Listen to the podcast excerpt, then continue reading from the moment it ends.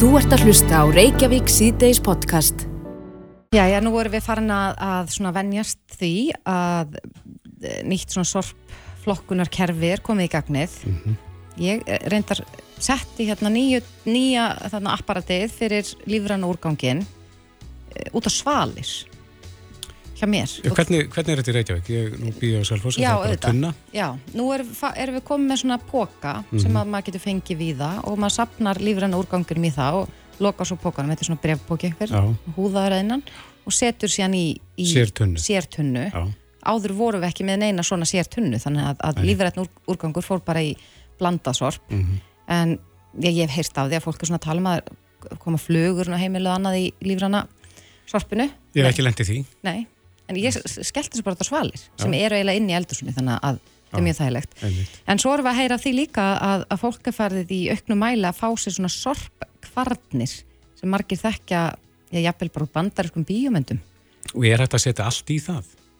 Ég, mér a- skilst að þú getur bara nánast sett hvað sem er að nófan í Já. til þess að, að, að milja sorpið, lífræna úrgangin, Mhm. við ætlum nú kannski ekki að láta fólk setja allt sorp að nófan í en svo hafa veitur verið að tjá sig um þetta og sagt að, að, að þetta sé ekki gott fyrir frá veitukerfið okkar Nei. að þau eru ekki hönnu til að taka við miklu magna af matarlegum Mhm. en um, já, við erum forvitin að vit- vita meira um þessa kvarnir Já. Á línunni er Ingólfur Örn Stengrimsson, fórstjóri Kvarna, sem að selja svona búnað. Komdu sæl. Góðan daginn. Já, mér? við heyrim í þér. Þú ert stattur í bandaríkjörnum við ekki, þannig að leiðslutnar eru kannski aðeins lengri. Já, En segð okkur aðeins af, af þessum sorpkvörnum, hvað, hvað gerir þetta apparat? Anga svolítið að byrja á því að ég skrifaði hérna grein 2025, nei, 25. februar 2017 segi ég, uh, í morgunblæði sem er inn á Facebook síðan okkar, mér geta flettið upp og skoða það þar á það sem ég skrifaði, bara leta upp á myndum, þá kemur greinin þar. Það reyndar eina sem er breytt í því, það er hérna vísað í, í hérna vefslóð sem að bendir á kannanir sem er óháða sorgkortna framlýðendum eða einhverjum áhuga mannum um sorgkortnir. Uh, við munum koma með það inn á Facebook síðan og aftur aftur núna því ég bara, í þessu umræðu sem er búin að koma núna þessu senastu daga þá hefur komið bara margt í ljós sem að það sér að fólk er ekki alveg að vita hvað er að tala um stundum. Og já, ég meina það hefur eiginlega ekkert breyst frá þessari grein. Meina fólk... Ég farði að ég hef segja yfir það sem að þú segir í þessari grein, svona fyrir þá sem ekki hafa lesið. Já, sko, ég tala náttúrulega bara um að umræðan hefur verið náttúrulega þannig að það er allt sett í kvartinu og ég hefði nú aðeins í ykkur um áður en við tókum inn í spjall. Sko, það er ekkert allt í kvartinunar. Uh, við getum sett kjúklingabein, við getum ekki sett stór bein og mjög þetta næst. Þú veist, það eru uh, til dæmis hrátt uh, fiskjuróf, hrátt kjúklingaskinn er ekki sett onni því að það er það seikt eða menn ætla að taka til dæmis fiskjuróðurinn að tósta þau sundur þegar það er rátt og það er ekki hægt. En ef það er svoðið, ekkert mál, þá er það bara tækt yfir. Sorkandunir eru bara þannig virkandi að þegar þú skrúa frá kaldavatninu og, og þá kveikir á vélinu og þú matar hana jæmt og fjett. Uh, ég segjum kaldavatninu af því að ástæða fyrir við skrúum frá kaldavatninu er það að þá ef það er eitthvað fýtikent þá brýtur það upp í förstu formi og svo umræðan um það að er mís og rottur og lifa og svo svona.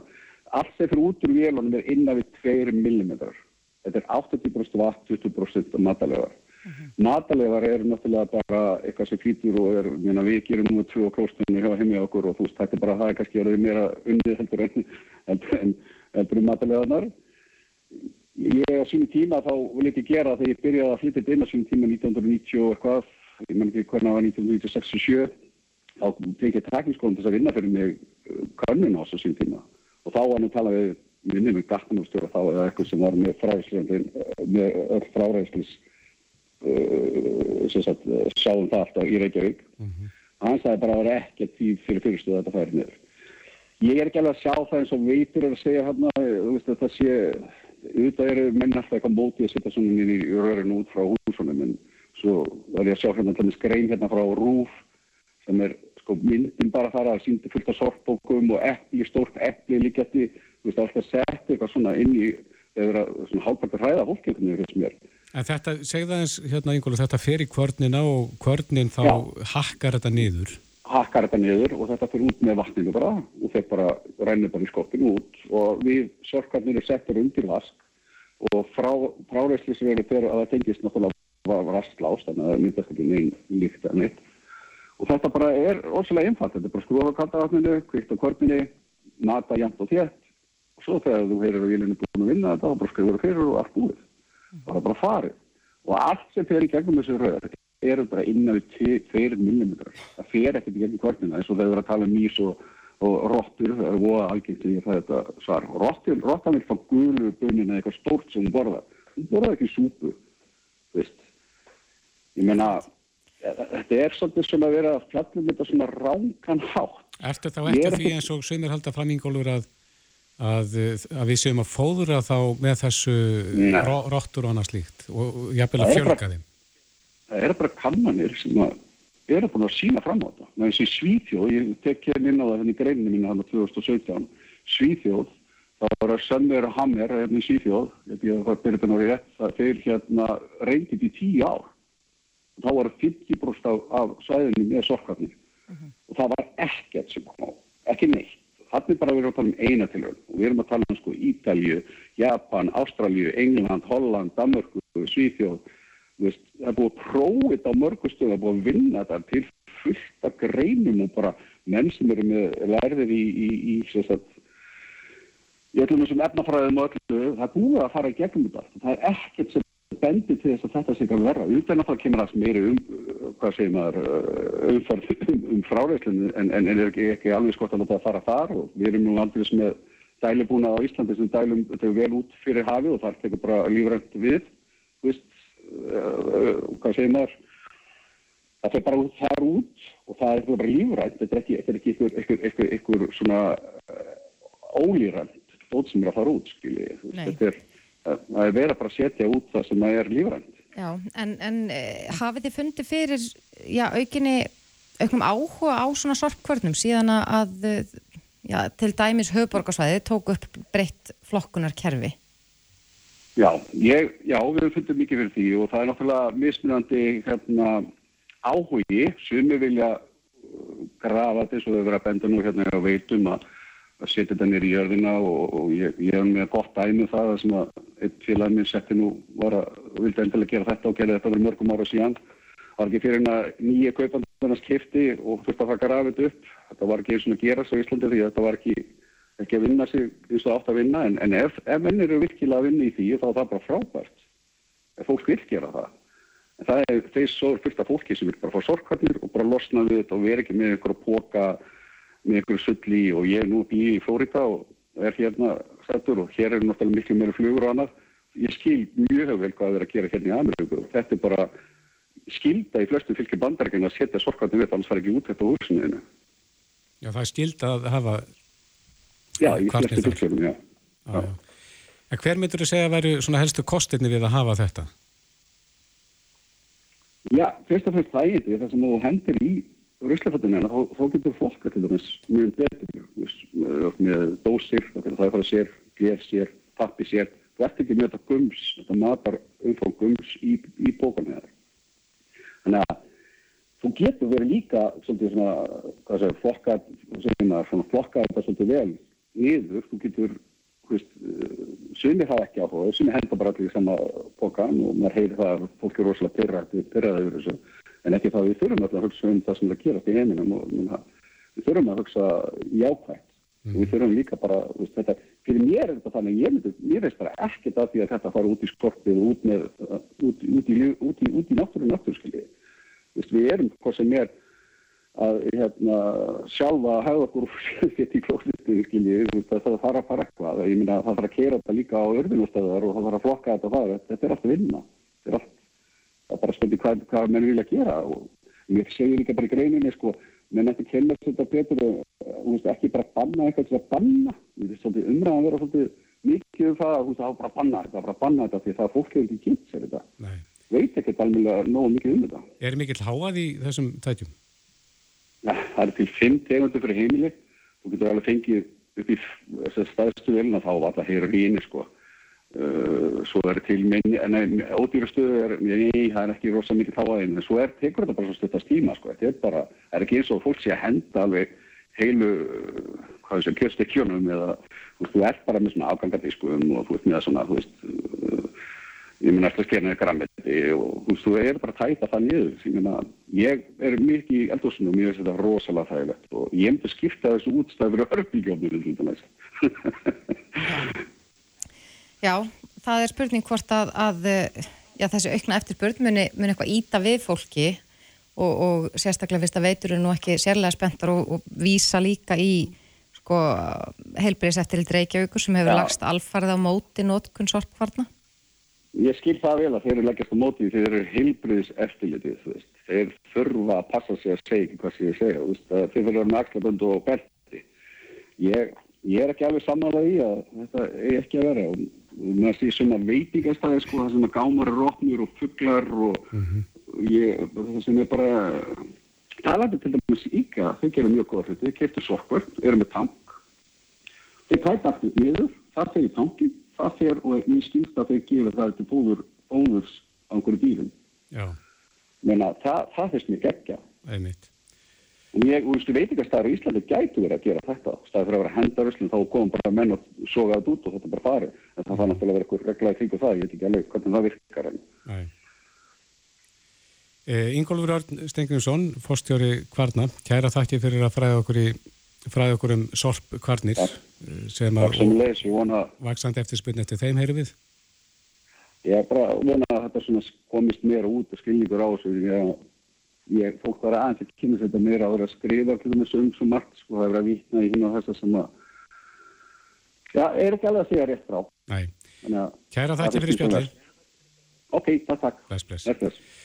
Þú ert að hlusta á Reykjavík C-Days podcast. Jæja, Reykjavík C-Days heldur áfram. Sælabankin eh, kom nú má segja óvart í morgun. Eh, Sveimir voru nú búin að gera ráð fyrir hækkun en kannski ekki svona ríflegri Nei, þetta var tilkynnt í morgun þegar að peningastefnum Sælabanka Íslands uh, tilkynnti að vextir bankans myndi að hækka um, um 0,5% stygg og eru orðin, já, orðnir 9,25%. Já, Viljámi Birkesson, formadur starfskreina sambandsins er komið til okkar, velkomin. Já, komið sæl. Já, hvaða þýðingu hefur þetta fyrir almenninga þínu mati, þessi hækkun í morgun? Þetta hefur náttúrulega gríðarlega áhrif á almenning, það er algjörlega ljóst. Vakstastíð hefur verið að hækka gríðarlega á núna á undarförnum mánum og sem dæmi að þegar við undirritum kjærasamningana í desember að þá voru stýrivextnir í 6%. Þeir hafa sérst hækkað um 3,25% frá því að við undirritum kjærasamningana sem að var í raun og veru algjörlega og er algjörlega í öfu átt á með það sem við heldum að við værum að gera þegar vorum að eh, fara í þessu vegferð að gera skamtíma samning og þetta þýðir bara til dæmis á mannamáli að e, fjölskylda sem er með 40 miljón korona húsnæðislán óverðtrygt og er með á fasta í dag e, ef að það lán væri að losna núna og það myndi lenda á breytunlegu vöxtum þá færi vakstabyrðin úr 140.000 krónum upp í 341.000 Þetta er hækkun sem nefnur 201.000 krónum og takið eftir í hverjum einasta mánuði. Og það eru 600 miljardar rúmlega þó sem að munu lenda í vaksta endurskoðun á næsta ári og þar næsta ári og þetta fólk mun akkurat lenda í þessum tölum sem að ég er að tala um hér. Er náttúrulega bara eftir því hversu hátt við komum til án er. Þannig að þetta er skjelvileg staða sem er komin hér upp og er ekki neinu samrami við þau lönd sem við erum að bera okkur sama við þar sem að eh, ef við tökum bara Svíþjóð sem dæmi að þar eru stýrivextinir ef ég manni þetta rétt 3,75% og verðbólgan er 6,3% en verðbólgan á Íslandi er 7,6% og stýrivextinir 9,25%. Það verðist bara að vera lenska hjá stjórnvöldum og mér finnst líka og sæðlabankanum að slá ætið stjaldborg utanum fjármálakerfið eins og yngir sem morgundagurinn og það er náttúrulega ekki nema neytendur, heimilinn og líka skuldsett fyrirtæki sem verða fyrir barðuna á þessum gríðarlegu vastahökunum sem að dinni á okkur. Mhm. En hvað er hægt að gera? Nú segir Sælabankastjóri á, á fundurum í morgun að hafkerfi væri ennþá yfirspennt að peningastefnan hafi verið að virka en, en, en verkefni verða alltaf starra og starra út af hagvexti.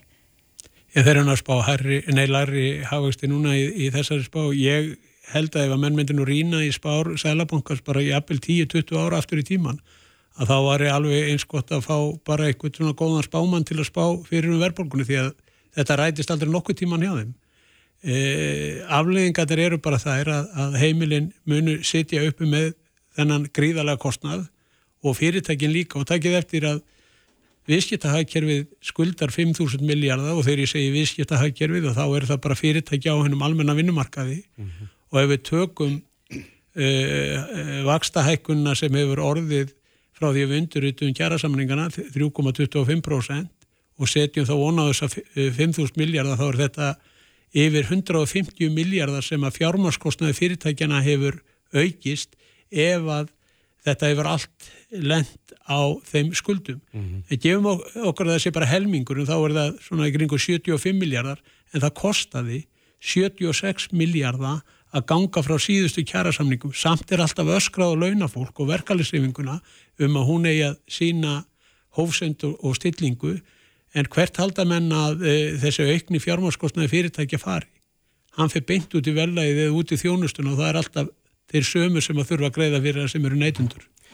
En Viljámur, uh, það er að í byrtingu eða dreifingu á samfélagsmiðlega mynd, stýrivexti hér og þar, það sem er svona verið að bera saman stýrivexti á Íslandi og í nákvæmlega þannig er endar Albanía með, Danmörk, Svíþjóð, Nóriður og Sviss og, og stýrivextir hér eru miklu, miklu, miklu herri. Hvað er það sem að greinir að milli hér? Af hverju er Ísland, stýr Ísland sig svona svakalega úr?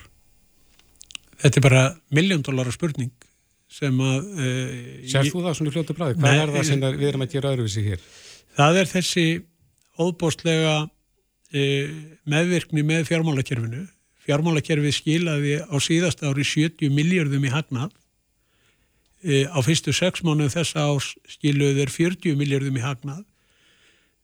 Reina vakstatekjur bankana voru 130 miljardar á síðast ári, jökustum 25 miljardar og takkið eftir 130 miljardar er svona álíka mikið og allt útlutingsvermæti á þoskaförðum. En viltu meina þá að, að Sælabanki sé að vinna í þáu fjármálafyrirtækinu? Alveg klárlega, svo síðan þarf náttúrulega bara að fara að skoða sem við höfum nú rætt hér áður í þessu þætti því að maður heyrir víða þetta geti verið jafnvel íslensku króninu um að kenna og ég hef svo sem eh, nefnda áður að ég tel bara fulla ástæði til þess að meðan við erum með þetta svona og horfum á önnur land ef við tökum bara til dæmi stammörk sem dæmi það sem að stýrivextindir eru núna í 3,35% þeir eru með dansku krónuna tengda við, við efruna ég held að þurfi bara að fara í einhverja rannsóknarvinn og, og, og, og skoða þetta hvort að það sé orðið tímabært að taka hér upp nýjan gjaldmiðl. En færð þú eitthvað hljóngrunn? Mér finnst vanta meira, það er náttúrulega gríðala sterk öll í íslensku samfélagi sem vilja halda króninu og þar á meðal sælapunkinu vegna þess að þetta er nú hans svona uh, tilvist Sæðlabankus í raun og veru er að hafa íslensku krónuna ef að þannig morðu komast En hvað eru samherja þínir í verkalýs? Ég held nú að samherja mínir í verkalýssefingunni sé nú kannski margi hverji komnir á þessa skoðun að þau þurfa að fara að skoða þetta því að þetta gengur ekkit svona til lengta það er nóg að horfa bara á þessa blákultu staðarindir að hér er verið að bjóða húsnæðsvexti í þeim löndu sem við viljum bera okkur sama við, þú getur fengið 30 ára eh, húsnæðislán eh, á Norðurlöndanum þetta er kringu 34% til 30 ára. Hér eh, eru breytilegi vextir núna í 10,25% og ef þú ætlar að taka fasta að þá er það eitthvað millir 11 og 12%. Þetta er algjörlega orðið orði störtlað ástand og mun náttúrulega bara kalla það og ég held að ef þessu linn er ekki núna, ég held að við séum algjörlega að komast á þólmörkum um það að almenningur munir ísa upp. Leið og fólk áttar sig á því þegar að þessi vaksta endurskúðin sem ég var að tala um á þann mun eiga sér stað þar sem að 2000 heimila munum lenda í því að sjá bara allt í einu hérna, greiðslu seglin hjá sér hækka um 200-300 krónur á, á mánuði, þá mun fólk fara ná. En það sem að Sælabankin og Vískjötabankandir eru núna að tala um að það er að beina fólkinu að fara að ræða við sin Vískjötabanka og ræða um nýja möguleik og þá er þessi sögum aðlar að tala um það að þú er að fara inn í verðtri lán. Inn í verðtri lán sem eru með larri vexti en takið eftir þá leggst bara verðbætunar ofan á höfustólinn þannig að þegar þetta er reiknað út þá er þetta með nákvæmlega sama hætti jafn há uppæð en eina sem gerist er að höfustólinn er alltaf hækka í hverjum einasta mánuði á meðan að óvertriða lánið er að, er að lækka. Verðtri lán eru ban eitraðu koktel sem að á að vera lungu búið að banna því að ef að veri búið að banna verðtryggingu á húsnæðislánum þá hefði Sælabankin ekki tækifæri á því að hækka vextina svona ofbóslega mikið ástæðan fyrir því að þeir hækka svona vextina svona mikið er einfallega vegna þess að þeir vita það að þessi 600 miljardar rúmlega þó það verður að íta þessu fólki yfir í verðtriðu umhverfið. Mm -hmm. En uh, nú hefur verið talað um, um þennsluna og uh, já, samherjar þínir, bæði Alþjóðsambandið og, og Vaffer hafa uh, að einhver leiti skellt skuldinni á ferðarþjónustuna, að ferðarþjónustan valdi þennslu og, og er að kalla eftir einhvers konar hömlum á ferðarþjónustuna. Erst þú á ég, sama máli hvað þetta var það? Ég held ég verið bara að taka undir með samverðum mínum í því það þarf ekki nema að lappa bara hér niður í miðbæ Reykjavík til að sjá fjölda ferðamanna á öllum stöðum það er gríðaleg gríðaleg fjöldi ferðamanna og ég held að þetta ár muni slá öll með hvað varðar fjölda ferðamanna Það þarf að takmarka fjöldan þá? Þetta þarf bara að skoða, skoða þessi mál göngjafilega en það skiptir, ferðamennandi skipt okkur máli vegna þess að við erum að fá miklar gjaldiristíkjur af ferðamennum mm -hmm. en við mögum ekki líka lenda í því að það komi þannig aftan á okkur að verðbólgan rjúki hér upp úr öllu valdi í sökum þess og svo finnst mér líka verðlag víða endur spekla svona einhverja græki sem að lítur að því að það sé bara þetta hækka verðlag hér upp úr öllu valdi við höfum séð hér fréttir uh, bara sundlög í, á Vesturlandi sem kostar orðið 3800 krónur að fara ofan í og við sjáum hér kjötsópu í, í, hérna á höfuborgarsvæðinu á 4500 krónur þetta er eitthvað störlun sem að sko bara e, gengur ekki upp. En er þetta ekki afleggingin af þessum stöðugu vaksta hækkunum? Ég held nú, ég held að, að, ég held að vaksta hækkanir og 3800 krónur fyrir að fá að fara hún í eina lög, það eh, bara meikar ekki sens. En er milli. Það er ekki tengi hver á milli, sko. Nei. Já, þetta, ég, ég veit að, að samtöku atverðlýsins hafa nú svarað þessu með ferðarþjónustunum og, og sagt að, að það hafi nú ekkert í máli peningastefnu nefndar bent til ferðarþjónustunar en, en það verður, já, fóröfnilegt að sjá hvort að, að stjórnvöld svari kallinu þarna að tala um, um komugjöld eða einhvers konar skattlagningu til þess að aðeins að tempara Það er alltaf bara bent á einn aðeila þegar við erum að tala um ver verðbólku. Það er bara einn aðeili sem ber ábyrð á verðbólku og það er launafólk. Það er alltaf að tala um að komandi kjærasamningar muni ráða úslutum í framtíðinu og svo framvís. Skulum ekki gleyma því að þegar við gerum lífstjærasamningin í april 2019 þá er verðbólgan mjög lág allan samningstíman nema síðustu fimm mánuðis, mánuðina sem eftir lifði af eh, lífstjara samningnum og það var vegna þess að hér skall á COVID. Hér var uh, eh, flutningsskjöld hækkuðu mikið og, og, og svo framvís og þá raug verðbólgan upp, hafði ekkit með launafólk að gera. Það er bara mjög svona, uh, svona verðist vera bara algildi regla hjá þessum aðlum að beina alltaf uh, fingrunum að verkalisefingunni mm. en mhm. hvað á verkalisefingin að gera þegar hún stendur fram með fyrir því að allt hefur hækkað. Það er alveg nákvæmlega sama hvað það er, hvort það er matvaran, uh, leggskólagjöld, tryggingar og ég tala nú ekki um leiguverðið og síðan þetta sem að lítu núna af húsnæðislanunum. Hvað eigum við að gera? Lítur þú Viljarmur á uh, þessa hækkun í morgun sem svona viðvörun til ykkar inn í næstu kjærasamlinga? Ég held að þetta hefur verið stórkoslu mistök hjá Sælabankarum að koma með 0,50 púnta hækkun núna því að þetta mun ekki gera neitt annað heldur að hleypa yllu blóð í okkar félagsmenn og ég held að verði bara skílu skrafa hjá okkar félagsmennum núna að standa fast í lappinnar og ég held að þessi ákverðin Sælabankars að farið þessa leið núna geri það verkum að það verða miklu, miklu meiri líkur á átökum í, í, í komandi kjaraviðraðum heldur en ef hann hefði sagt nú látum við staðan numið, við hækkum ekki stýrivexti og við skulum sjá hvernig kjarasamningandi muni þróast í, í vetur. Það hefði verið mun skynsalera en það er svo magnað að fylgjast með þetta í aðdraganda vaksta ákvörunar eh, Sælabankast þegar að greiningatildi bankana koma og spá sko 0,25 punktum eða 50 punktum og, og, og svo framvis en þessir aðelar hafa beinan beina hagsmuna því að vextir hækki. Það sína bara tölur bankana vaksta tekjur bankana jökustu 25 miljardar í fyrra vegna stýrivaksta hækkana selabankans að vera að spyrja þessa aðila því hvort það sé líkur á því að hækka vextið ekki er að mínum dómi bara galið. Já Mér lákar eiginlega ekki að sleppa þér alveg strax, kannski kvílum aðeins umræðinu um, um stýrastahækkununa en, en það er kvalveðar líka sem hafa verið, verið já, mikið til umræðu að undanförnu og, og nú býða margir, já, jáfnvel bara allir, eftir því að, að Svandi Sváastóttir takja ákvörðun um hvort að kvalveðir, að hvort hún munir og verið bannaður að nýju frá 1. september. Hvernig er svona þín tilfinning fyrir þessu? E, svona áður ég kem kannski að því hvað mín tilfinning er að þá snýst þetta mál e, varandi kvalveðnar á þessari vertið ekki um það hvort maður sé með eða móti kvalveðum heldur svo stjórnsísla sem að hér var ástunduð við að banna tímabundið veðarnar sólarhing áður en það er eftir að hefjast. Með gríðarlega slæmum afleiðingu fyrir þá starfsmenn sem að voru mættir til vinnu. Ég skal alveg fúslega viðkynna það á miða við hvernig hún stóð að þessu uh, í jóni þá tel ég ekkit rosalega miklar líkur á því að hún muni sjá að sér.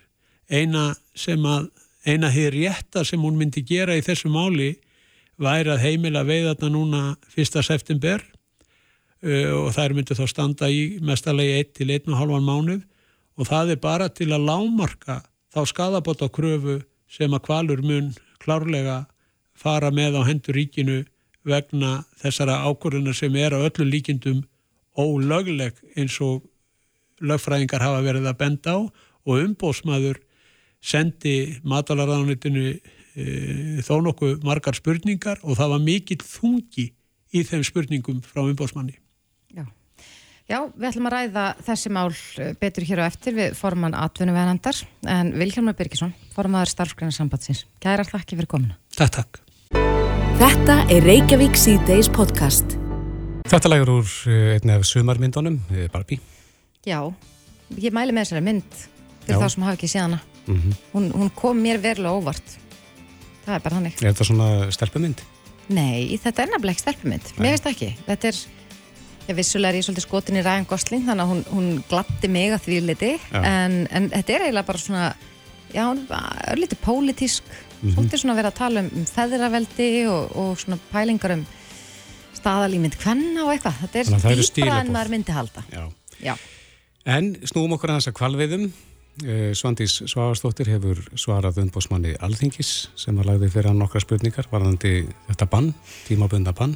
já En nú stýttist í að það þarf að taka ákvörðunum hvort að uh, banni veri framlengt. Já, í dag byrtist frétt á vísi.is þar sem er talað við tvo nefndarmenn í atvinnuveganemnd, Ingur Sæland og Hildi Sveristóttur og það er nú sammál um það að, að sko það er ekki sáttar við ákverðin matvælar á þeirra um að stöðva kvalveðar svona skömmu fyrir vertíð eins og minnst hefur verið á í, hjá sko, fjölmörgum að, að eh, já, kannski stjórnsíslan ekki nægilega góð. En nú er stutt í mánamót og uh, hvalveðar ætti að hefjast öll óbreyttu 1. september en það er spurning hvað uh, formaður atvinnuveganemndarna segir um þetta og hann er á línu hjá okkur, Stefán Vagn Stefánsson blessaður og sæl Komið sæl.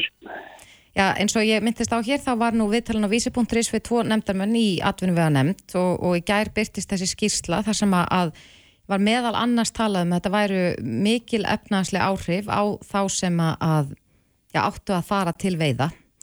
Hvernig lítur þú á þetta mál?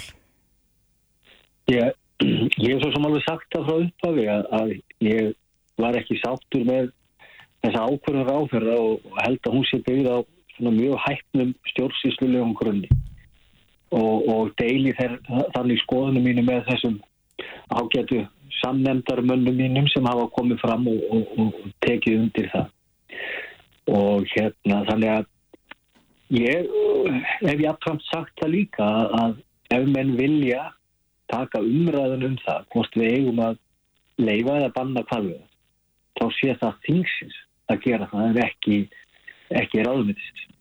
Hvert væri það eðlegt skref núna í, í framhaldinu?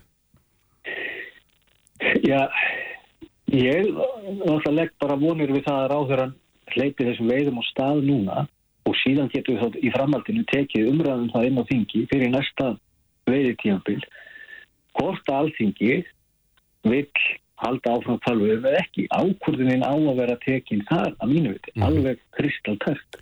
Hver er þín persónlega skoðan á því? Er, ertu hlindur kvalvöðum?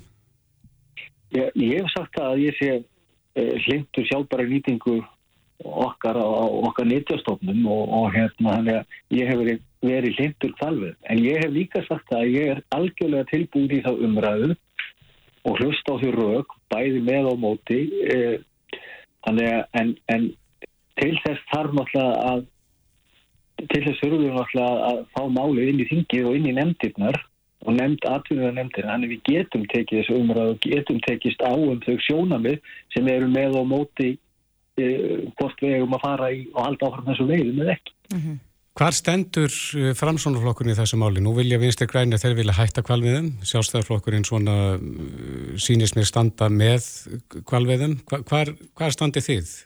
Framsóknarflokkur er svona heilt yfir það er nú okkar stefnu að, að nýta okkar auðlindir og við höfum talað fyrir því að, að hérna, halda þessu veiðum áfram en á þess að ég geti nú talað fyrir alla framflokkumenn á, á landinu en þá held ég að við séum og flokkurinn sé alveg tilbúin í þetta samtal. Og við þurfum þá bara að meta og vega þá kosti og galla sem mhm. fylgja því að stunda þessa veiðar.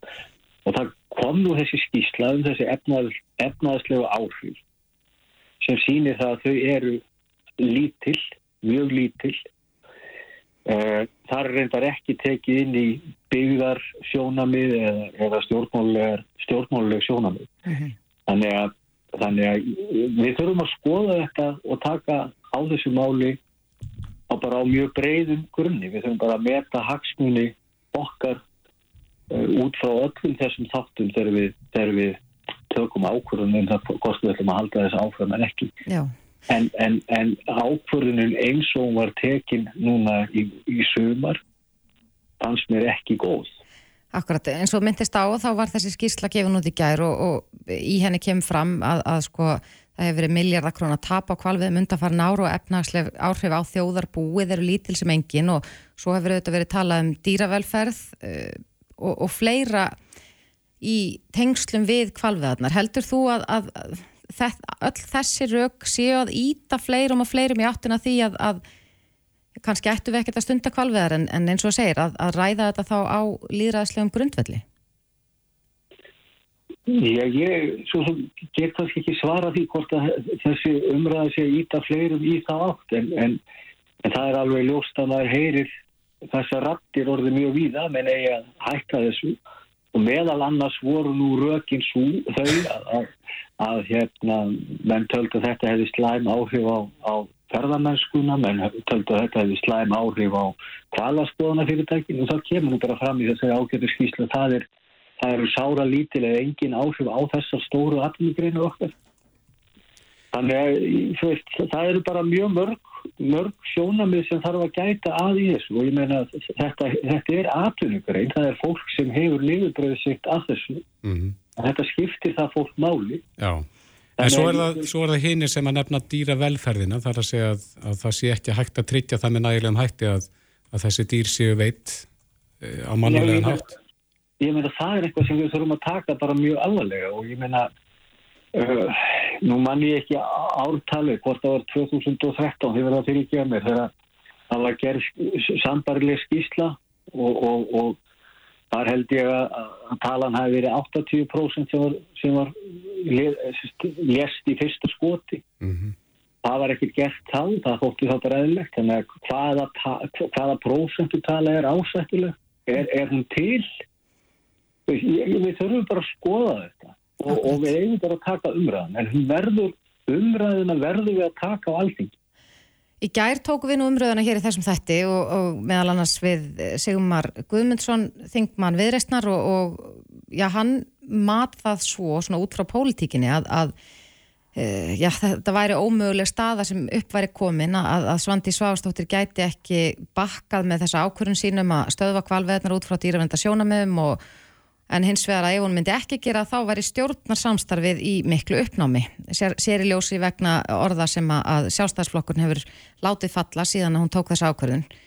Uh, hvernig metur það? Er, er, er stjórnarsamstarfið í uppnámi ef að matvælar á þeirra tekur þessa ákvörðun aftur að banna kvalveðar núna um mánamótin? Stjórnarsamstarfið að mínu viti er ekki uppnámi út af þessari ákvörðun svandísar.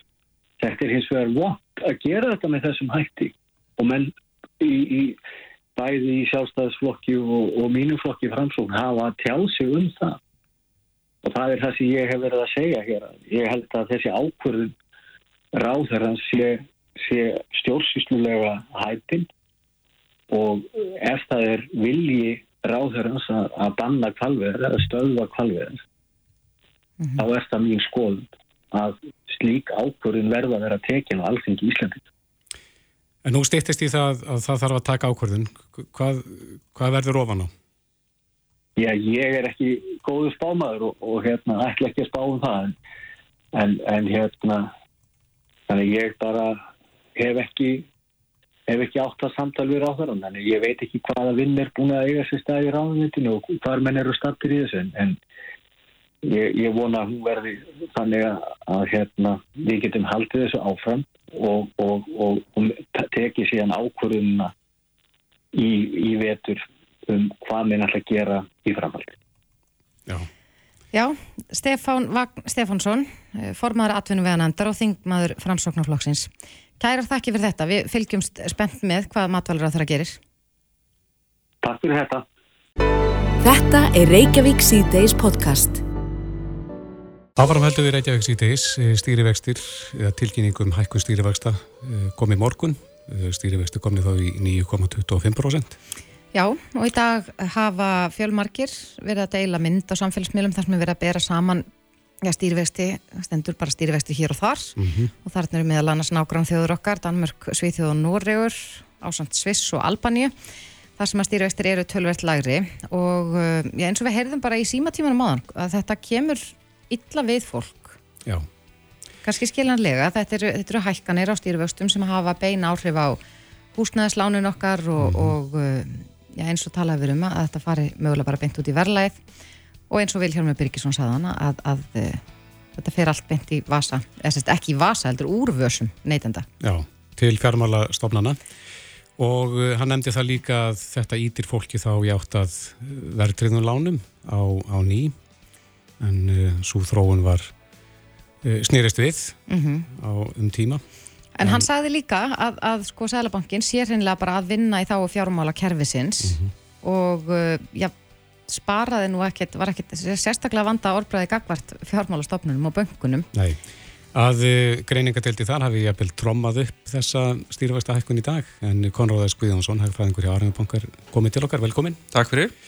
Já, hverju, ef við byrjum að svara því, er, eru þið að tromma upp uh, þessar hækkanir? Sannarlega ekki. Uh, ég get náttúrulega ekki svara fyrir aðra banka, en ég get svara fyrir okkar banka. Það eina sem vakið fyrir okkur er eina greina stöðun og áallag hvað er að fara að koma fyrir uh, bankan og, og, og viðskiptavinn og svo framvegis. Sko. Er, uh, þetta er mjög einfalt svar við því og svona í þessu samvikið þá getur nú líka bara nefnt það að í okkar spá um stýrivexti að þá tóku við mjög skýrt fram að við óttumst og gerum það raun og er enn að það sé verið að stíga of þungskref sem muni byggna harðar á til dæmis fjárfestingastígi heldur en Sælabankinu er að gera ráð fyrir og, og einmitt eitt af það sem kom óvart við vakst ákunni morgun og í nýri spá Sælabankast á til dæmis heldur áfram að vera kröftu vöxtur í íbúðafjárfestingu sem ég vona sannlega að vera rétt en Ég óttast líka svo sannarlega að það uh, verði ekki raunin í ljósi þess að þessa vakstahækkanir þær eru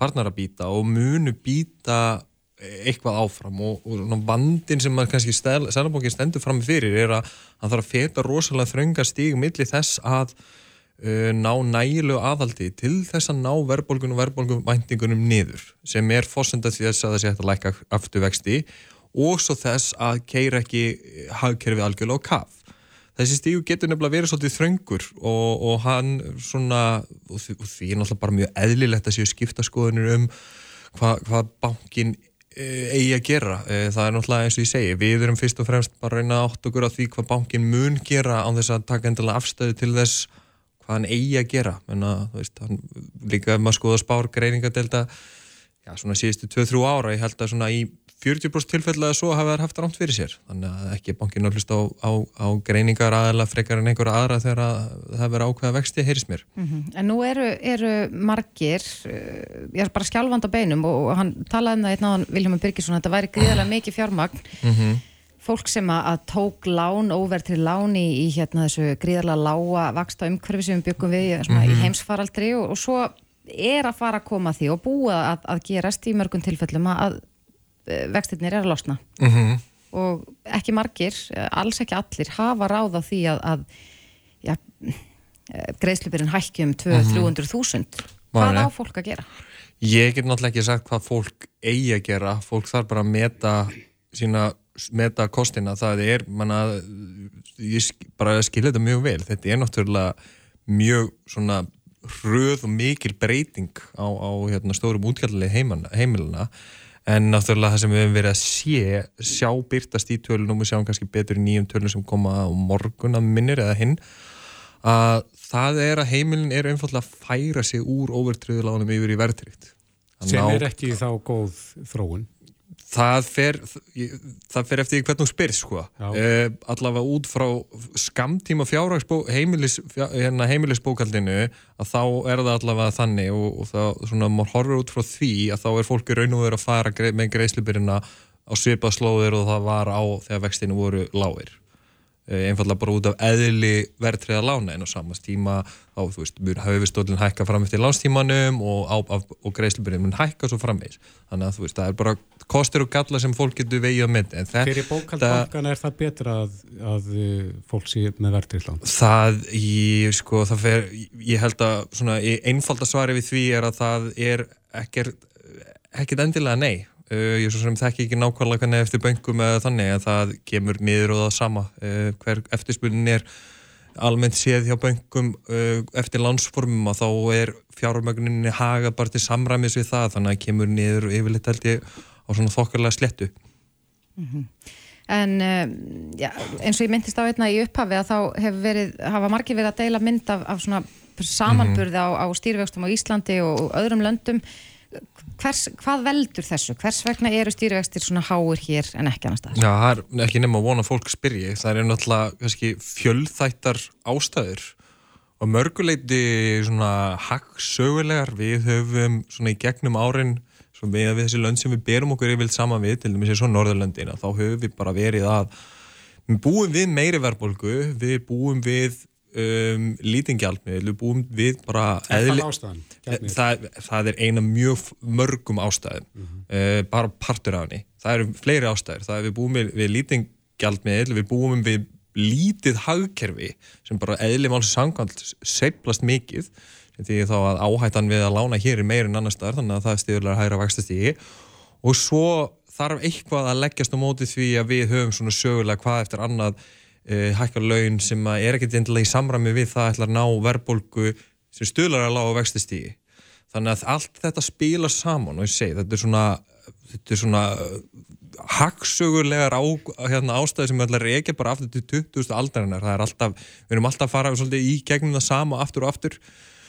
Þannig að ég held að það sé svona einfalda svarið og berð saman við hins vegar önnur lönd, þú veist, þess að þau lönd sem við berum okkar saman við, að þau ætlar að koma út úr ótrúlegu lágvaksta tímubila sem vexti voru bara við null og sem er ekki heilbriðt ástand heldur, það er ekki gott það er ekki heilbriðismerki heldur þvert og móti að vexti séu við null vexti eru svona eins og er, það er að hugsa sem vexti sem einhvers konar stillitæki sem vilt hafa tildurlega látt en sé ekki endilega sveiflast um mikið, svona í einum fullkomna heimi. Er ekki verið null en þeir ekki vera helst kannski ekki það sem þeir eru í dag.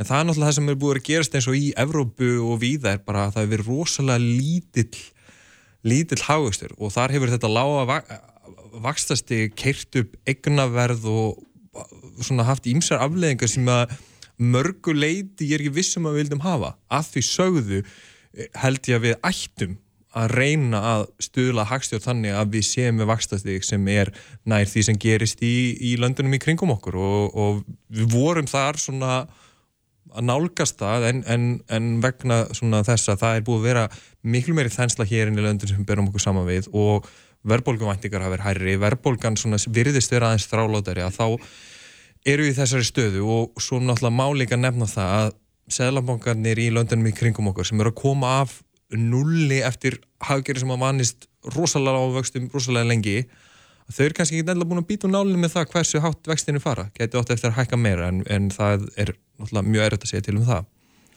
Já, uh, hvernig lítum við svo á, á framhaldið það er svona erfitt að, að við töluðum aðeins um, um komandi kjaraviðröður og annars líkt og, og Viljum Birgisson sagði að þetta myndi bara hleypa yllu blóði í félagsmenn mm -hmm. að já, sko að sko þessu sé skellt á í raun og veru launafólkið og, og þeim sem að kenna svo er, eru einhverjir innan verkefliðsreyfingarna benda á, á ferðarþjónustuna mm. hvað gerist næst? Það er erfitt að segja. Ég, ég held að mig ekki endilega útiluga það að við séum vexti að hækka meira. Eh, svona skilabóðin í morgun voru þau að þau var bara svona einhvers konar, kannu að segja, hlutlausum gýr þegar svona eftir hvernig þróunin verður. Bara hvernig verðbólgan og efnaðsumsögum þróast, það eru tæpur tvær mánuðir í næstu ákvörðun og við vunum fá ímsar upplýsingar þangar til. Þannig að svona ofta síkasti þá hefur nefndin komið óvart þannig að ég myndi bara alls ekkert útiloka það að vextir, vextir hækki eitthvað meira en mér, ég held við sem orðin komin ansi nálagt tóknum í vöxtunum ef við erum ekki komið þánga nú þegar Var þessi hækkun í morgun stílabót til verkalýs reyningarna fyrir að koma til kjæra samlinga? Ég Ég skildi það ekki þannig. Ég skildi meira þannig að Sælabankin vill ná niður verðbólgunni og ná niður verðbólguvæntingum til þess að stuðla því að kjærasamlingar séu í samræmi við hans verðbólgumarkmið. Ég skildi það þannig. Vistu, til, ég held að ég efustum að það sé svo, svo djúbmerking á bakveða hjá Sælabankunum en minna, það er Sælabankans að svara því ekki mín. Nei, já, Konráð Eskviðjónsson, hagfræðingur hjá Arjónbanka Kæra þakki fyrir komuna. Takk fyrir. Reykjavík síðdeis á Bilginni podcast. Já, eins og við hefum sagt hér uh, oft í dag, þetta er stór fréttadagur, stýrjast hækkun og alls konar, en, en uh, það vakti aðtiklu okkar, einn mest lesna fréttin inn á vísi.is mm -hmm.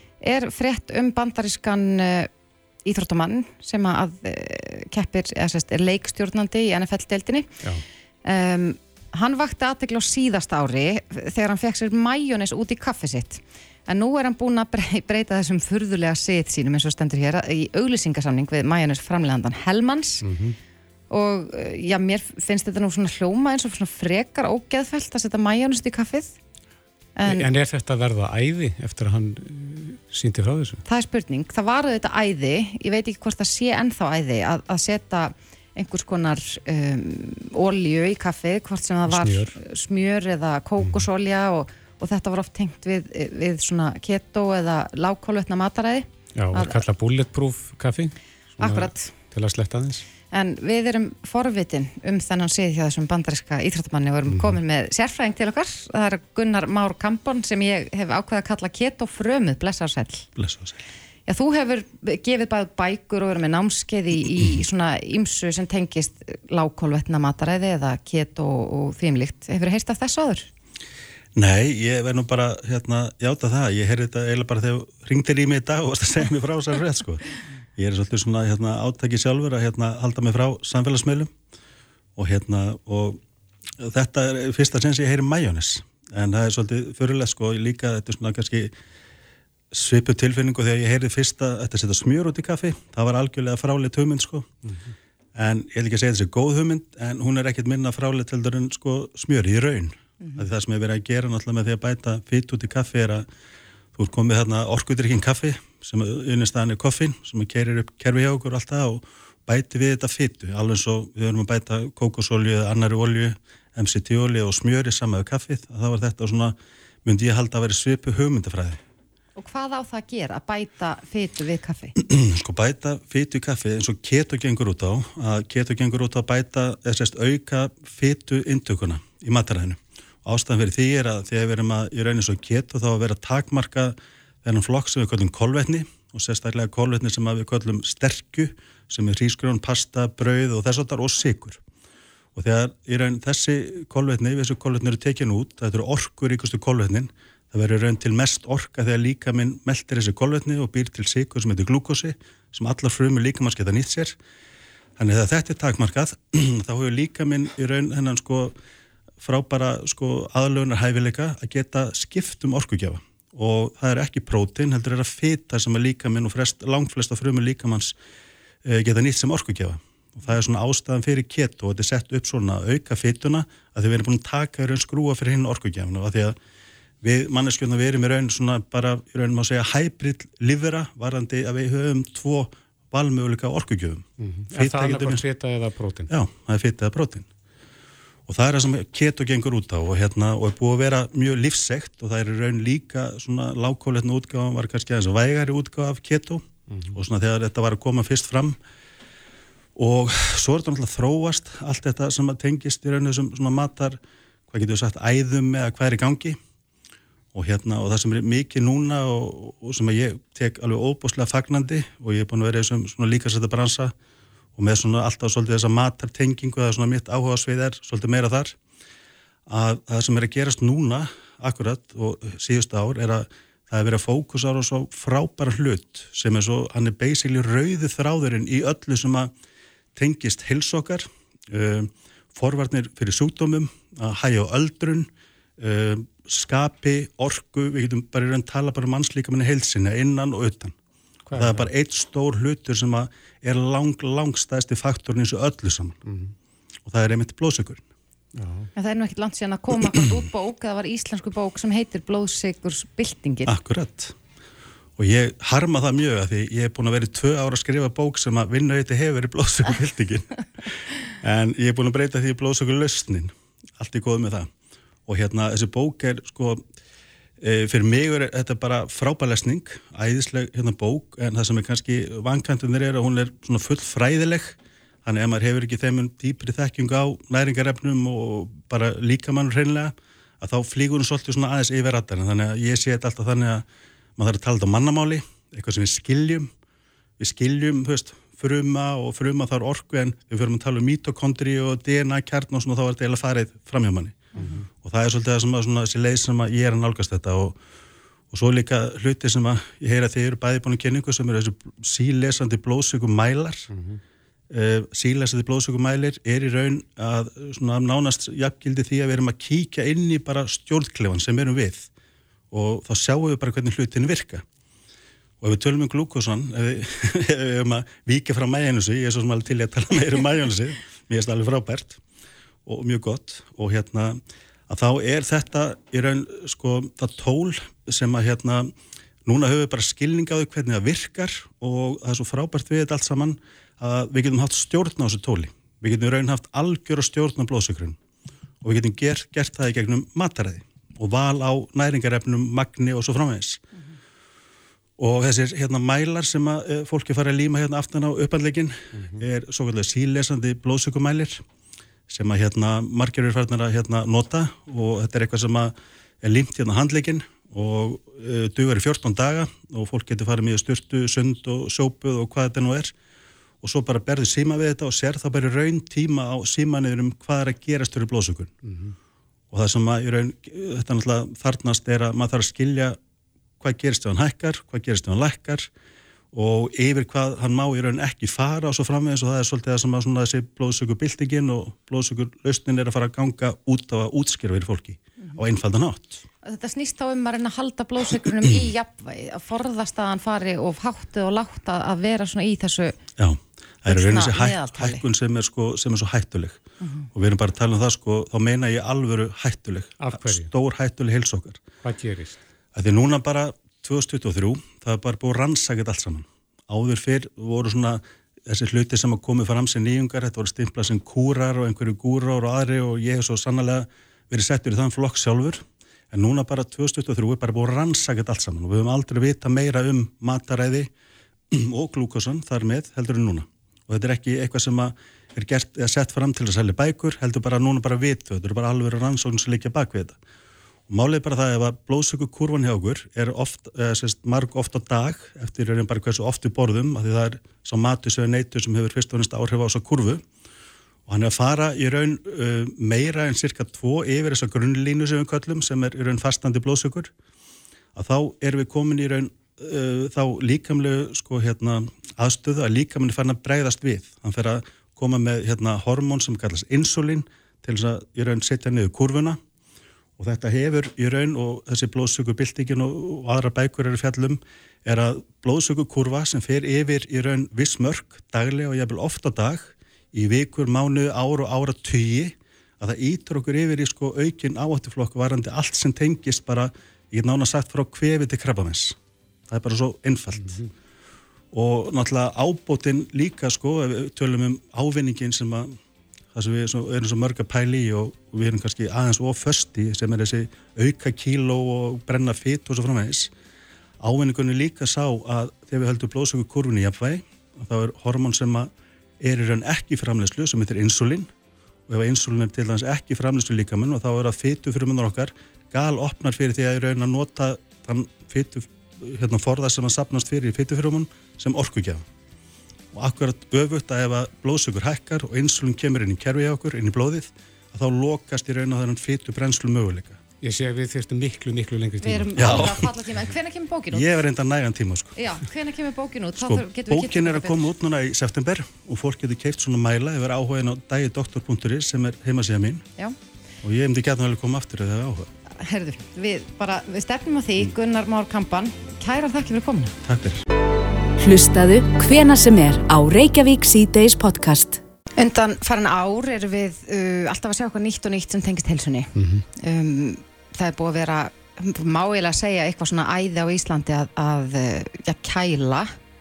Það hafa verið námskeið, hægt að væla, komt að kæla og það eru kominir kaldir pottar Einmitt. í alla sundlegar nánast. Er ekki búið að sanna það vísendilega að kæling er góð fyrir okkur? Jú, mér skilist það allavega en uh, við höfum nú nokkru sem tala við þau hjá Greenfit mm -hmm. sem eru með alls konar svona, já svona öðruvísi nálgun á, á mælingu og svona helsufarsmælingar á annað Einmitt. en nú rákumst við á það að þau eru komin með einhvers konar kæli meðferð sem að, að heitir svona cryotherapy og, og þegar ég hugsa um eitthvað svona cryotherapy þá finnst mér eins og við séum að, að er svona djúbfrista fólk til þess að við getum livgaðu aftur við hérna eftir hundra ár þegar eitthvað þegar við erum búin að finna hérna Er þetta eitthvað djúbfristing? Ég veit það ekki.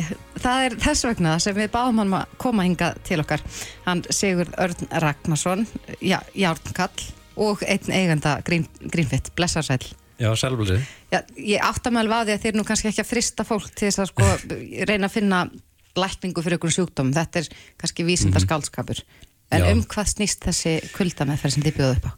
Já, mjög góð spurning Þetta er hérna, eins og nefnir það er, það er náttúrulega búið að gera alls konar rannsóknir á, á hérna kælingu eða semst kulda og, og það er bara meðal annars ástæðan fyrir því að margir kjósa að fara til dæmis í sjósund bara og, og finnst það bara alveg frábært og, og hérna finnst það ómísandi partur af í rauninni bara kannski dælir rútinu en það sem hérna kræjóþerapi eða svona þessi kulda klefi gengur út á raun er að, er að vekja raun svipi viðbröð í líkamannum en kannski á öllitið skemmri tíma og þú gera með talsett meiri hitastiks í rauninni mun Er þetta snögg fristing? Uh, já, það er eiginlega hægt að segja þess að svo sko. þetta er hérna sem, þetta er ekki beint nýtt að nálinn ef við horfum bara á sem sagt út í heim að það er búið að gera, ég menna svona hérna, bæði bjóða upp á svona meðferðir og, og, og hérna bara rannsaka þetta sérstaklega í alveg örgulega hátt í tvo áratvíði núna. Ok, og, en þetta var alltaf gert með svona nitroxi, eða þess nitri í rauninni, þannig að þá var er rauninni það svona svo þurrís?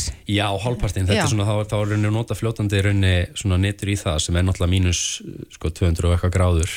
Uh, og það, það sem að kannski hættan er þar er að, að þá, þá kannski er, er meiri líkur á því að ef að það er ekki sérstaklega þjálfar einstaklingur að, að, að, hérna, að gera það þá, þá er hætta því að fólk getur bara reynilega fengi, fengi bruna í rauninni Já, En- ég man nú reyndar eftir því fyrir hérna ekkert svo mörgum árum síðan þá var svolítið í tísku svona einhvers konar fytu fristing Mm. og það voru alls, alls konar sögur sem fóru að því að, að fólk bara varð svolítið illa fyrir því. Já, einmitt, en, en þetta er í líkingurinn við það. Mm þetta er meira einmitt að, að og það sem, það sem er hjá okkur er, þetta er ramagstrifið, þetta er ekki í rauninni, það er ekki nýttur notað þetta.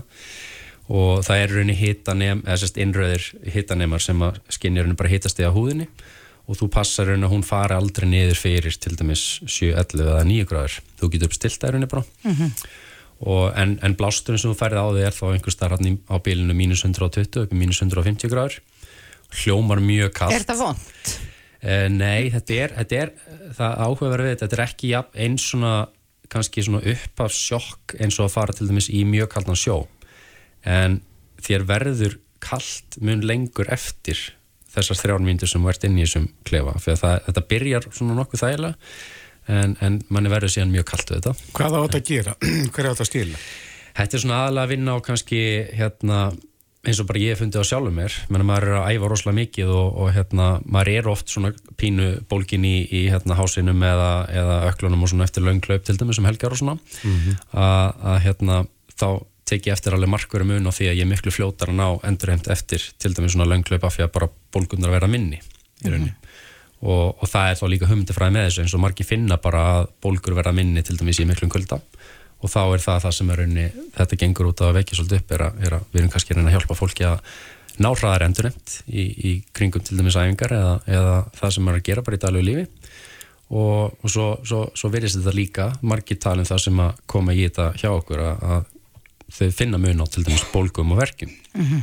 En nú er það, þetta er kannski einskjölu spurning, en, en vill maður hraða endurheimt? Eða er, er líka mann bara heimta smá kvild mm -hmm. og þess vegna er endurheimtin ekki hraðari en raunberi vitni? Mm -hmm, mjög góð spurning og, og þetta er alveg eitthvað sem hefur verið talað um mikið einmitt í, í takt við hérna, einmitt sérstaklega svona ídrótiðkun og svona að, að hérna, það, þessi viðbröð sem múst að vekja oft hjá, í líkamannum þegar þú ert á æfingum að þú vilt að líka minn líka geri við hlutina svolítið sjálfur þannig að, þannig að hérna, það er svona önnur, önnur pæling líka út af fyrir sig en, en hérna, ég hugsa svona fyrir flesta svona í daglegu lífi uh, sem eru kannski ekki að stefna ólimpíleikana eða, eða hérna, eitthvað svona hérna, heimsmestramóti eða annað slíkt að hérna, þá sé alltaf verið ávinningur af þessu í rauninni mm -hmm. Er þetta gott fyrir bólgur?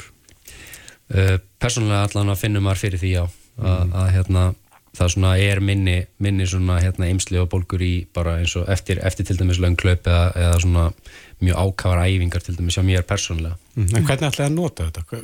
Hvað, gerir fólk til þess að komast í þann að klefa? Það er rauninni bara, maður getur rauninni bara bóksið tíma og þetta tekur yfirleitt svona milli tvær og upp í fimm mínútur fyrir eftir stærðið einstaklingsins og líka hérna uh, hvernig ástandið maður í þegar maður kemur í þennan klefa af því að líka maður setin okkar eða kjarnitin okkar uh, hefur svolítið áhrif á það hversu í rauninni hérna hratt maður kólunar í rauninni að utan sko mm -hmm.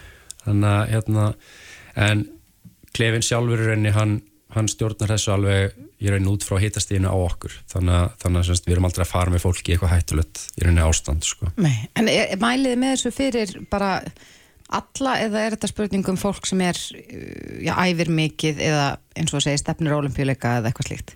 Já, þetta er einu hugsa fyrir alla af því að þessi búnar er ekki gefin út sem einhver, uh, einhver lækningatækja eða lækningsfræðilegu búnar þetta er meira bara hugsa sem er einu eitthvað sem getur, er einu bætt lífskeiðin hjá manni mm. og, og hérna En er, er ekki fyrir ekki, er ekki alveg eins gott að fara bara í sjósund?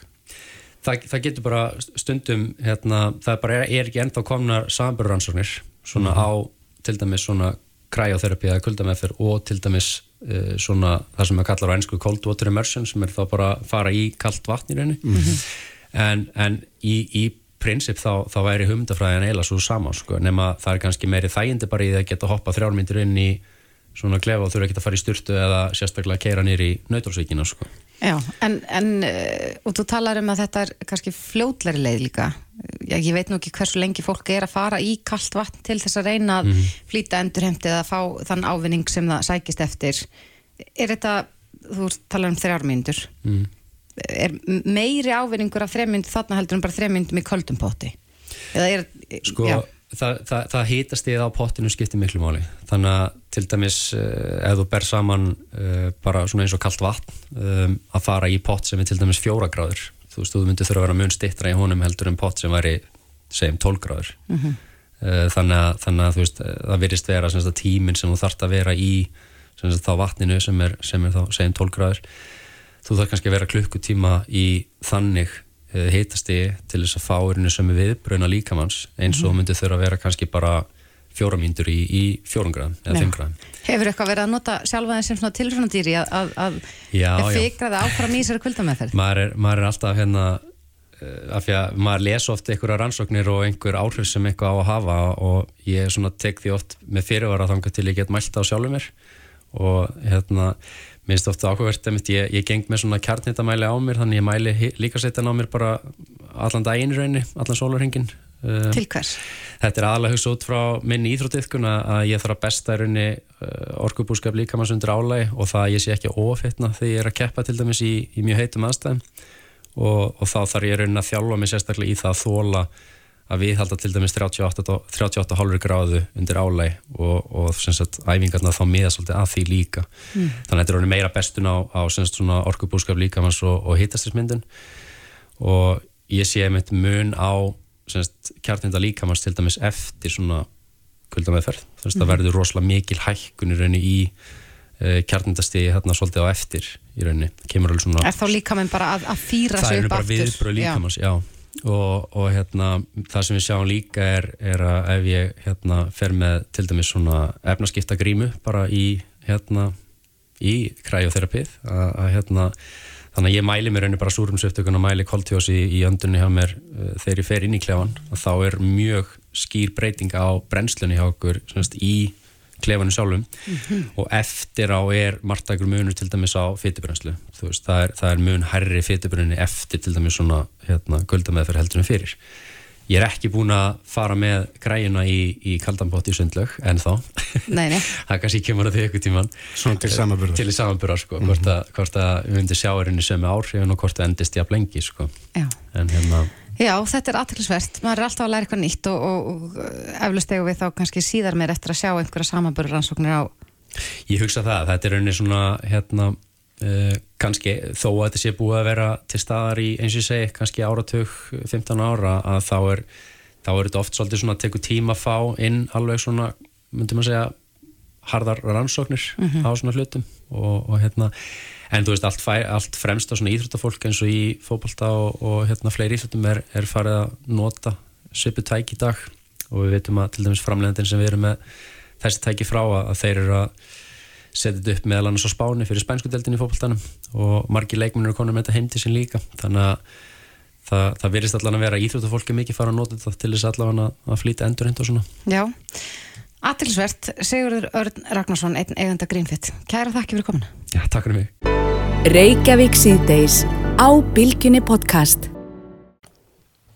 Já, það stittist í að þessum þætti ljúki í dag, mm -hmm. en það var nú eitt hérna, við erum svolítið búin að rýfast undarfarn daga, ég og þú Kristófer. Já, við erum svona að þræta. Já, svolítið að þræta, búið að vera svona svolítið erfitt á millokkar, út af því að ég, ég sagði þér frá því að ég væri svona stundum nexluð á því þegar mm -hmm. fólk situr við mataborð og, og heldur öfugt á nývapurum. Já og þetta væri kannski bara eitthvað merkjum um hérna vonda borðsiði Já og slæmt uppeldi bara. Já ég er ekki vissum að ég hafi sagt það. Þú getur þurft að sanna það. Já, já. en uh, allavega ekki aðeir þá, þá sagði ég frá því hér í þættinum að, að ja, þegar ég var barn mm -hmm. að þá var alltaf lagt mjög fallega borð. Og ég var bara alveg upp við það. Við áttum eiginlega bara alltaf að búast við því að Breitlands drottning myndi mæti mat. Mm -hmm. eða Vigdís Fimboðdóttir gæti bara droppa við og sest við mataborðið og þá skiptir máli hvernig maður leggur diskinn og hvernig maður uh, borðsiðirnir ekki verið með olp upp á borðu og eitthvað. Mm -hmm. þannig að uh, mér finnst að við þurfum bara að fá einhvern svona sérfráðan aðla til þess að, að, að leggja mat á þetta? Já. Já, hvort að þetta sé merkjum slæma borðsiði eða hvort að fólk sé bara einfallega örfend Já, eins og þú. Akkurat Albert Eiríksson, sérfræðingurinn okkar Albert Eldar er á línni, sæl Albert minn Sælverði, gaman að heyri ykkur. Sömmulegis. Getur þú skorið úr um þetta? Er þetta merkjum slæma borsiði? E, sko, mér finnst það afar áhugavert að skuru taka ta þetta fyrir og þakkláttur að skuru ringi mig. Þetta er, stuttasarið er, nei, þetta er ekki, þetta er ekki dæmi um slæma borsiði. Fólk sem er örfend, það ætti, það má alveg gera þá kröfu að það sé lagt þannig á fyrir það mm -hmm. að nýfuru síði vinstri hendinni. Já mm -hmm. og, og hérna Þannig ef að e það er vitað fyrirfram að þarna er eh, örfend mannestja þá á að setja þá nývin vinstra megin Já og sama á við um glös til dæmis, eða eru vinglös mm -hmm. því sem eru örfend það er ykkur eðlilegt að nota vinstri hendina meira Einmitt. og það er á meðal að, að dreipa úr glasi Já. þannig að Sko- það er mjög eðlilegt fyrir örfenda að skipta til með snífatöru Já, ég ætla nú ekki að reyna klóri bakkan, ég bara skal sko leifa Kristófer að hafa rétt fyrir sig í þetta skipti. En, en svo geta, geta samt skapast vandamálu mataborðið það ekki þegar að, maður er alltaf að reka olmbúan í þennan örfenda Jú, þar maður þá hugsa um hva, hvar maður setur örfenda einstaklingin við mataborðið það getur verið kostur að hafa örfenda saman. Já, já, já, og hafa rétt henda saman. Já, en, ég, en Þórti, ég tek ofan fyrir því fjölskylduðinni að hugsa svona um borðsiti já þetta þetta, er þetta var kannski er málið. stundum. Já, já, en þetta er eitt málið e, að æfa sig heima á öllum borðsjóðanum og þannig verður við góði í þessu. Þannig Já. að sko, þegar að Vigdís, ef að Vigdís hefur komið heim svo til ykkar, þá vissu þið hvernig áttu að gera þetta, hvað áttu að gera. Já, vissulega, það gerðist reyndar aldrei því miður, hún kom aldrei eh, óvænt í matabóð heim til mínu breiðaltinu en, en við vorum alltaf undirbúin, svona eins og skátatir Já, mér finnst það frábært. Er hún örfend? Ég veit það ekki en, en nú þarf, ég, þarf maður bara að fara að huga að þessu að, að bara senda út spurningalista fyrir matabóð eða mögulega bara leifa fólki að borða eins og það vill borða Já. Já, af því að örfendir eru ríkjandi hendi hjá þeim er vinst hendi. Þannig að við skulum bara leifa með vera eins og þau eru. Já. Það, það er náttúrulega svo litið einkennilegt í nútíma, nútímanum að tala um rétthenda og svo örfenda. Já, Tek undir það. Því það er ekkit réttar að vera nota hægri hendina meira. nei, nei Herðu, Albert, ég þakka þér kærlega fyrir að skera úr um þetta þó að mér finnist alveg pínu erfitt að, að hafa ekki rétt fyrir mér Þú ætti að kynkja þessu. Ég þarf að kynkja þessu Aldrei. Kæra þakki fyrir þetta Albert. Sumulegis, hafið það bless. gott. Verið bless. Er það þá voru við að koma í mark? Já, við erum að koma í mark, ég get farið svegt heim til mín og, og uh, ég bara lagt rétt á borð Akkurat. það verður engin örfendur um mataborðið hjá mér í kvöld Nei. en um, já, við verðum aftur hérna á slæðinu klukkan fjögur á morgun og minnum að sjálfsögða það að viðtölun öll komin inn á vísi.is og inn í Bilgju appið, Já, Þórdís, Bræi og Kristófi þakka fyrir sig. Verið sæl Reykjavík síðdeis á Bilginni podcast.